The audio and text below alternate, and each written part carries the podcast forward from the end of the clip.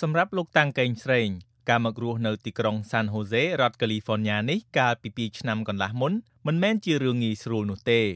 យុវជនអាយុ29ឆ្នាំរូបនេះដែលមានស្រុកកំណើតនៅខេត្តត្បូងឃ្មុំធ្លាប់ធ្វើការជាអ្នកសរសេរកូដឬហៅថាវិស្វករកម្មវិធីកុំព្យូទ័រ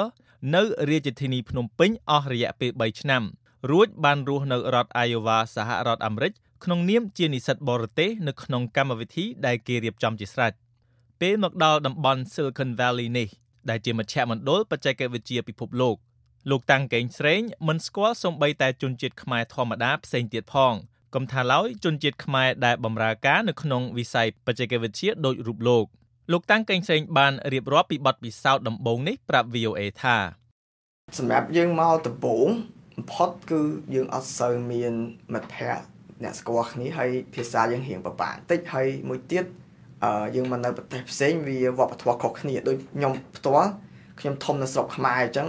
របៀបរស់នៅរបស់ខ្ញុំគឺបែបខ្មែរយើងហើយយើងមកនៅនេះវារៀងដូចភាសាសាមញ្ញគេថាដូរ180ដឺក្រេអញ្ចឹងវាប្រឆាំងគ្នាទោះជាយ៉ាងណាក៏ដោយសម្រាប់លោកជាអ្នកមានវិជ្ជាជីវៈខាងវិស័យបច្ចេកវិទ្យាការផ្លាស់ទីលំនៅមកធ្វើការនៅតំបន់ Silicon Valley នេះជារឿងដ៏មានប្រយោជន៍លោកតាំងកេងស្រេងសប្តាហ៍ថ្ងៃនេះធ្វើការជាអ្នកសរសេរកម្មវិធីកុំព្យូទ័រនៅក្រុមហ៊ុន Cisco ដែលជាក្រុមហ៊ុនបច្ចេកវិទ្យាសកលមួយ មានមូលដ្ឋាននៅទីក្រុង San Jose នេះលោកថានេះជាសុបិនមួយដែលលោកធ្លាប់មាននៅប្រទេសកម្ពុជា ហើយបានសម្រេចដោយប្រាថ្នាខ្ញុំគិតថាសម្រាប់ខ្ញុំខ្ញុំជាអ្នកសរសេរកូដខ្ញុំចូលគិតខាងហ្នឹងអញ្ចឹងបើពេលយើងយើងធ្លាប់នៅកាលនៅស្រុកខ្មែរយើងលើទូថត Apple គាត់ចេញ product ថ្មីថ្មីយើងនៅយប់មើលទូទស្សន៍ ហើយយើងចង់ដឹងថាតើកន្លែងហ្នឹងយ៉ាងម៉េចយើងចង់បានមកដល់កន្លែងហ្នឹងផ្ទាល់ហើយយើងចង់បានយើងចង់ខ្លាយទៅជាផ្នែកមួយនៃហ្នឹងដែរមានយើងចង់ខ្លាយទៅអ្នកសរសេរកូដនៅក្នុងហ្នឹងដែរយ៉ាហ្នឹងគឺជាអ្វីដែលដែលខ្ញុំចង់បានប្រាថ្នាចង់បានយូរហើយបាទតំបន់ Silicon Valley មានភូមិសាស្ត្រស្ថិតនៅក្នុងតំបន់ទំនាប Santa Clara Valley ដែលស្ថិតនៅចន្លោះទីក្រុង San Jose និងទីក្រុង San Francisco នៃរដ្ឋ California សហរដ្ឋអាមេរិក តំបន់ដែលត្រូវបានគេចាត់ទុកថាជាមជ្ឈមណ្ឌលនៃបច្ចេកវិទ្យាថ្មីៗរបស់ពិភពលោកនេះគឺជាទីតាំងរបស់ក្រុមហ៊ុនបច្ចេកវិទ្យាធំៗដូចជាក្រុមហ៊ុន Apple, Google និង Facebook ជាដើមតំបន់នេះបានផ្លាស់ប្ដូរខ្លាំងនៅប៉ុន្មានឆ្នាំចុងក្រោយនេះដោយស្វាគមន៍នៅលំហូរជនអន្តោប្រវេសន៍ជាអ្នកជំនាញមកបម្រើការនៅទីនេះបើតាមតួលេខរបស់ស្ថាប័នជំរឿនរបស់សហរដ្ឋអាមេរិកដែលត្រូវចងក្រងដោយវិទ្យាស្ថាន Silicon Valley សម្រាប់ការសិក្សាតំបន់បង្ហាញថា នៅឆ្នាំ2014ដែលជាឆ្នាំលោកតាំងកេងស្រេងបានមករស់នៅតំបន់នេះតំបន់ Silicon Valley មានអ្នកធ្វើការចំនួន37%ជាជនបរទេសចំនួននេះគឺខ្ពស់ជាងចំនួនមធ្យម13%នៃអ្នកធ្វើការជាជនបរទេសដែលមាននៅតំបន់ផ្សេងទៀតរបស់សហរដ្ឋអាមេរិកដោយមានតម្រូវការច្រើនចំពោះអ្នកជំនាញផ្នែកវិទ្យាសាស្ត្រនិងវិស្វកម្មក្រុមហ៊ុនបច្ចេកវិទ្យាធំៗដែលមានមូលដ្ឋាននៅទីនេះ បានតាក់ទាញជនអន្តោប្រវេសន៍ជាច្រើនដែលមានចំណេះដឹងខ្ពស់ពីទ្វីបអាស៊ីជាពិសេសជនជាតិចិននិងឥណ្ឌាជនជាតិទាំងនេះខ្លះថែមទាំងបានឡើងធ្វើជាអ្នកដឹកនាំក្រុមហ៊ុនបច្ចេកវិទ្យាធំធំមួយចំនួនផងដែរដូចជានៅក្រុមហ៊ុន Google និង Microsoft ជាដើមប៉ុន្តែសម្រាប់យុវជនខ្មែរដូចលោកកេងស្រេងក៏ដូចជាយុវជនខ្មែរអាមេរិកាំងដែលធំដឹងក្តីនៅសហរដ្ឋអាមេរិកផងដែរការដែលបានមកធ្វើការនៅមជ្ឈមណ្ឌលបច្ចេកវិទ្យានេះ ជាសុបិនមួយដែលពួកគេទើបអាចសម្រេចបានតែក្នុងពេលថ្មីថ្មីនេះប៉ុណ្ណោះនេះក៏ដោយសារនៅចំនួនឪពុកម្ដាយរបស់ពួកគេសុបិនបែបនេះมันអាចទៅរួចទេព្រោះឪពុកម្ដាយរបស់ពួកគេត្រូវកសាងជីវិតជាថ្មីឡើងវិញនៅក្នុងប្រទេសកម្ពុជាក្រោយសម័យសង្គ្រាមនិងរបបប្រល័យពូជសាសន៍ខ្មែរក្រហមនៅទសវត្សរ៍1970ឬក៏ត្រូវកសាងជីវិតឡើងវិញនៅលើដែនដីថ្មីដូចជាសហរដ្ឋអាមេរិកនេះជាដើមលោកតាំងកេងស្រេងថ្លែងប្រាប់ VOA ថា ការដែលលោកបានមករស់នៅផ្ទាល់នៅត្រង់ចំណុចស្នូលនៃបច្ចេកវិទ្យាទំនើបនិងការច្នៃប្រឌិតរបស់ពិភពលោកនេះធ្វើឲ្យលោកអាចដឹងនិងឃើញផ្ទាល់នៅបច្ចេកវិទ្យាថ្មីថ្មីបំផុតមុនតំបន់ផ្សេងទៀតនៅក្នុងពិភពលោកដូចជាបច្ចេកវិទ្យារថយន្តដែលបើកបរដោយខ្លួនឯងជាដើមយុវជនខ្មែរម្នាក់ទៀតដែលរស់នៅក្នុងតំបន់ Silicon Valley នេះនឹងធ្វើការខាងបច្ចេកវិទ្យាដែរនោះគឺលោកម៉ាក់សុផលយល់ស្របទៅនឹងទស្សនៈរបស់លោកកេងស្រេង សុផលដែលមានអាយុ31ឆ្នាំនិងមានស្រុកកំណើតនៅរាជធានីភ្នំពេញបានមករស់នៅទីនេះក្រោយលោកកេងស្រេងលោកសុផលបានមកធ្វើការនៅទីនេះជាង7ខែមកហើយនៅក្នុងផ្នែកលក់តាមអ៊ីនធឺណិតរបស់ក្រុមហ៊ុនលក់ទំនិញ Target ដែលមានទីតាំងនៅក្នុងទីក្រុង Sunnyvale ជិតក្រុង San Jose គឺនៅក្រៅពេលដែលលោកសុផលធ្លាប់បានធ្វើការនៅក្រុមហ៊ុនបច្ចេកវិទ្យាផ្សេងផ្សេងទៀតនៅក្នុងទីក្រុង Salt Lake City រដ្ឋ Utah និងនៅក្រុមហ៊ុន Microsoft ដែលមានទីតាំងនៅទីក្រុង Seattle រដ្ឋ Washington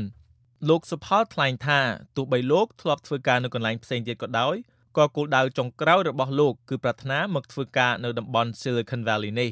លោកបញ្យលប្រាប់ VOA ថាតំបន់នេះមានលក្ខណៈពិសេសជាងតំបន់បច្ចេកវិទ្យាផ្សេងទៀតនៅសហរដ្ឋអាមេរិក ទីនេះវានិយាយទៅផ្នែកខាងតាក់ទងនឹងបច្ចេកវិទ្យាគឺនៅលេខ1ហើយគឺកន្លែងសម្រាប់យើងអាចមកអភិវឌ្ឍខ្លួនឯងបានហើយនឹងអាចមានឱកាសថ្ងៃក្រោយទៀតដែលយើងអាចនឹងបើសិនជាយើងចង់ចាប់ផ្ដើមអភិវឌ្ឍខ្លួនឯងឬក៏ចង់ចាប់ផ្ដើមធ្វើជាអ្នកកាន់កាប់ឬក៏សាក់លបងបើកជាក្រុមហ៊ុនអីមួយខ្លួនឯងគឺកន្លែងនេះគឺកន្លែងត្រូវហ្នឹងហើយ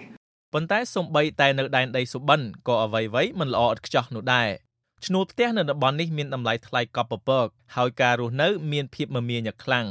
លោកសុផលថានៅទីនេះពិបាកនឹងរកមិត្តភ័ក្តិលោកបញ្យល់ថាអ្នកធ្វើការជាមួយលោកសុទ្ធតែជាជនបរទេសហើយបើទោះបីជាលោកបានដឹងថាមានជនជាតិខ្មែរមួយចំនួនធ្វើការនៅក្នុងវិស័យបច្ចេកវិទ្យានៅតំបន់ Silicon Valley នេះក្តីរួមទាំងលោកតាំងកេងសេងជាដើមដែលលោកទើបបានស្គាល់នោះក៏លោកសុផលថាយុវជនខ្មែរនៅទីនេះពិបាកជួបគ្នាដោយសារការរវល់រៀងៗខ្លួននិងរស់នៅឆ្ងាយពីគ្នា។ លោកសុផលថាមូលហេតុនេះធ្វើឲ្យលោកអាចជួបជុំជាមួយអ្នកមានវិជ្ជាជីវៈដូចលោកជាខ្មែរវ័យក្មេងដទៃទៀតដូចលោកកេងស្រេងបានត្រឹមតែមួយដងឬពីរដងប៉ុណ្ណោះក្នុងមួយខែវាមានត្រូវវាវាឯកាពីព្រោះម្នាក់ម្នាក់រវល់ការងារធ្វើការខ្ញុំគិតថានៅទីនេះរវល់ជាងនៅ state Utah ដែលខ្ញុំធ្លាប់រស់នៅមានចុះ Washington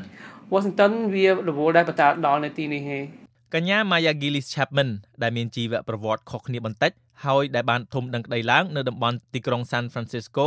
ចង់កែប្រែស្ថានភាពនៅដាច់ដោយឡែកពីគ្នារបស់អ្នកជំនាញខ្មែរទាំងនេះកញ្ញា Maya ដែលមានអាយុ25ឆ្នាំត្រូវគ្រួសារអាមេរិកកាំងមួយយកមកចិញ្ចឹមកាលពីឆ្នាំ2014កញ្ញាបានសម្រេចចិត្តបង្កើតអង្គការ Cambodians in Tech ដែលមានន័យថាខ្មែរនៅក្នុងវិស័យបច្ចេកវិទ្យាក្នុងបំណងភ្ជាប់ទំនាក់ទំនងរវាងជនជាតិខ្មែរដ៏តិចតួចប៉ុន្តែដែលចេះតែកើនឡើង ដែលបម្រើការនៅក្នុងវិស័យបច្ចេកវិទ្យាដ៏លូតលាស់របស់តំបន់ Silicon Valley កញ្ញាម៉ាយ៉ាដែលសប្តាហ៍ថ្ងៃធ្វើការនៅសហគ្រាសបង្កើតថ្មីឬ start up មួយនៅក្នុងទីក្រុង Palo Alto កណ្ដាលតំបន់ Silicon Valley ថ្លែងប្រាប់ VOA ថាកញ្ញាចង់ឲ្យជនជាតិខ្មែរដែលធ្វើការខាងបច្ចេកវិទ្យាលេចមុខលេចមាត់ជាងមុននៅក្នុងតំបន់នេះនិងតំបន់ផ្សេងទៀតក្នុងពិភពលោកកញ្ញាថាថ្មីបើតំបន់ Silicon Valley តែងបង្ហាញទៅពិភពខាងក្រៅថាខ្លួនជាសហគមន៍ចម្រុះសាស ប៉ុន្តែតាមបទពិសោធន៍ជាក់ស្ដែងរបស់កញ្ញាតំបន់ Silicon Valley មិនសូវឲ្យតម្លៃចំពោះអត្តសញ្ញាណខ្មែររបស់កញ្ញាឡើយ Cambodians in tech is first off community because I don't want people to ever feel the way I felt and that was alone you know I understand that you talk គោលបំណងចម្បងរបស់អង្គការ Cambodians in Tech គឺបង្កើតជាសហ គមន៍មួយពីព្រោះខ្ញុំមិនចង់ឲ្យខ្មែរណាម្នាក់ឆ្លងកាត់នៅបទពិសោធន៍ដែលខ្ញុំធ្លាប់មាននោះទេគឺអារម្មណ៍ថាឯកោនៅក្នុងវិស័យនេះខ្ញុំដឹងថាអ្នកបានសម្ភាសជនជាតិខ្មែរទាំងពីរនាក់ដែលបានមកធ្វើការនៅទីនេះរយៈពេល6ខែនិងម្នាក់ទៀត2ឆ្នាំប៉ុន្តែកាលពី3ឆ្នាំមុនមិនទាន់មានពួកគេនោះទេគឺមិនមានខ្មែរផ្សេងទៀតធ្វើការនៅទីនេះដែលខ្ញុំបានស្គាល់នោះទេ នៅពេលនោះពិតជាលំបាក ដូច្នេះអង្គការខ្ញុំបង្កើតជាសហគមន៍មួយដើម្បីជួយគ្នាទៅវិញទៅមកហើយដើម្បីលើកទឹកចិត្តថាជនជាតិខ្មែរក៏អាចមានសមត្ថភាពធ្វើការនៅក្នុងវិស័យបច្ចេកវិទ្យានេះផងដែរទោះបីជាអ្នកផ្សេងនិយាយយ៉ាងណាក៏ដោយបន្ទាប់ពីនេះទៀតយើងនឹងព្យាយាមជំរុញឲ្យជនជាតិខ្មែរកាន់តែច្រើនចូលទៅក្នុងវិស័យបច្ចេកវិទ្យានៅក្នុងតំបន់ Silicon Valley នេះនិងនៅក្នុងតំបន់ផ្សេងទៀតនៅក្នុងពិភពលោកផងដែរ You know we do want Cambodians how how do we find them ចំពោះលោកកេងស្រេងនិងលោកសផល ការដែលត្រូវសម្របខ្លួនទៅនឹងរបៀបធ្វើការនិងវប្បធម៌ចម្រុះសាសរបស់តំបន់ Silicon Valley តម្រូវឲ្យយុវជនខ្មែរទាំងពីររូបព្យាយាមជំនះនៅបញ្ហាភាសាខុសគ្នាការយល់ច្រឡំដែលអាចកើតមានឡើងនៅក្នុងទំនាក់ទំនងនិងការរំពឹងខ្លាំងពីសមត្ថភាពការងារជាងនៅកន្លែងផ្សេងទៀត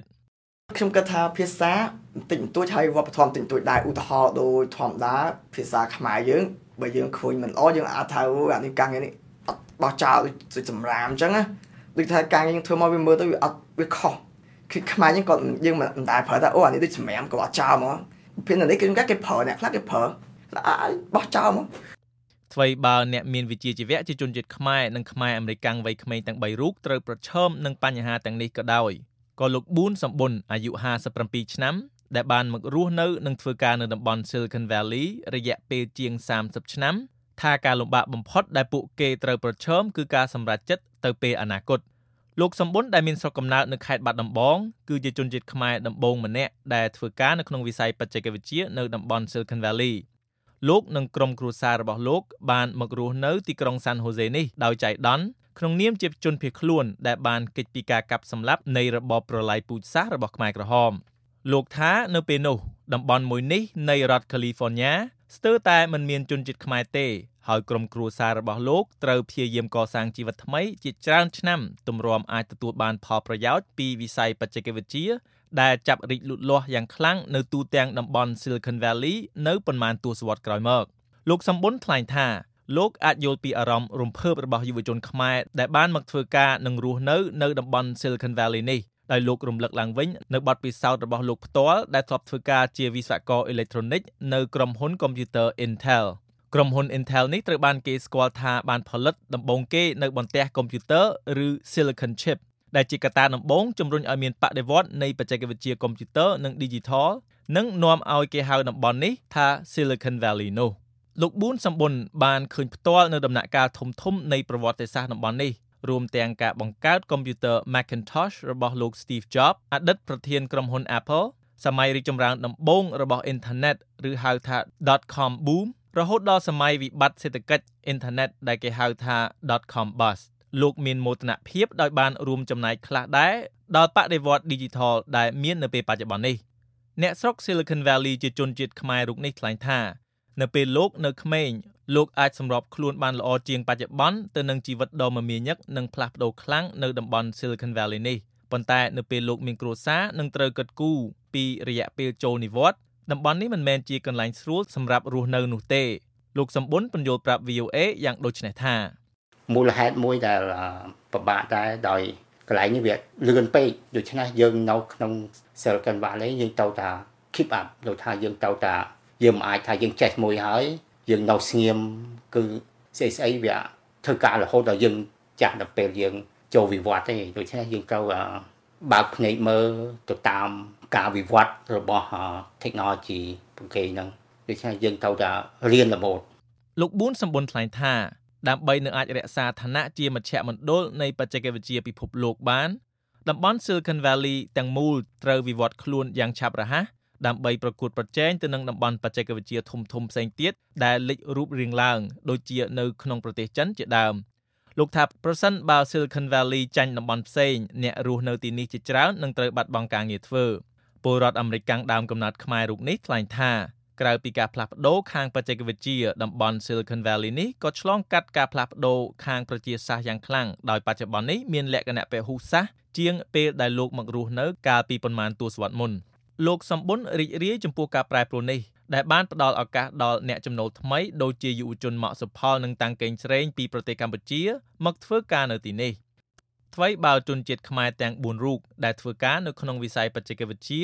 មានប្រវត្តិមកដល់តំបន់ Silicon Valley នេះខុសៗគ្នា ទាំងដោយចៃដន្យនិងមិនចៃដន្យក្តីក៏អ្នកត្រួសត្រាយផ្លូវជាជនជាតិខ្មែរទាំង4រូបដឹងគុណចំពោះវាសនាដែលពួកគេមាននេះ ពួកគេម្នាក់ម្នាក់សុទ្ធតែមានគោលដៅចែករំលែកបទពិសោធន៍នេះទៅដល់សង្គមកម្ពុជាវិញជាក់ស្ដែងកញ្ញា Maya Gillis Chapman និងសហការីនៃអង្គការ Cambodians in Tech កំពុងស្ថិតនៅក្នុងប្រទេសកម្ពុជាក្នុងសប្តាហ៍នេះដើម្បីរៀបចំកម្មវិធីថ្មីមួយដែលមានបំណងភ្ជាប់ទំនាក់ទំនងដោយផ្ទាល់រវាងតំបន់ Silicon Valley ជាមួយនឹងវិស័យបច្ចេកវិទ្យាដែលកំពុងលូតលាស់នៅក្នុងរាជធានីភ្នំពេញ កញ្ញាសង្ឃឹមថាទៅអនាគតអង្គការរបស់កញ្ញានឹងអាចនាំយុវជនខ្មែរចំនួនថ្មីជាច្រើនទៀតដែលស្រឡាញ់បច្ចេកវិទ្យាឲ្យមកដកពិសោធន៍វិជ្ជាជីវៈនៅតំបន់ Silicon Valley ដោយលោកកេងស្រេងនិងសុផលផងដែរលោកកេងស្រេងក៏ប្រាថ្នាយ៉ាងដូចនេះដែរហើយទោះបីការរស់នៅក្នុងនាមជាជនបរទេសជាច្រើនឆ្នាំនៅទីនេះធ្វើឲ្យលោកជួបប្រទះនឹងការលំបាកខ្លះៗក៏ដោយហើយជីវិតនៅដែនដីសុបិនមិនអស្ចារ្យដូចមុនក្តី ក៏លោកលើកទឹកចិត្តដល់យុវជនខ្មែរឲ្យហ៊ានមានមហិច្ឆតាខ្ពស់និងព្យាយាមស្វែងរកឱកាសមកដកពិសោធន៍នៅតំបន់ Silicon Valley នេះបើសិនជាយើងធ្វើការនៅទីនេះផ្ទាល់គឺយើងអាចដឹងថាតើអាក្រុមហ៊ុនលំដាប់អន្តរជាតិគេយ៉ាងម៉េចគេធ្វើយ៉ាងម៉េចនៅក្នុងក្រុមហ៊ុនគេអាហ្នឹងគឺជាបទពិសោធន៍មួយដែលយើងមិនពិបាកនឹងរកបាននៅក្នុងស្រុកយើងរាយការណ៍ពីទីក្រុង San Jose រដ្ឋ California ខ្ញុំសឹងសុផាត VOA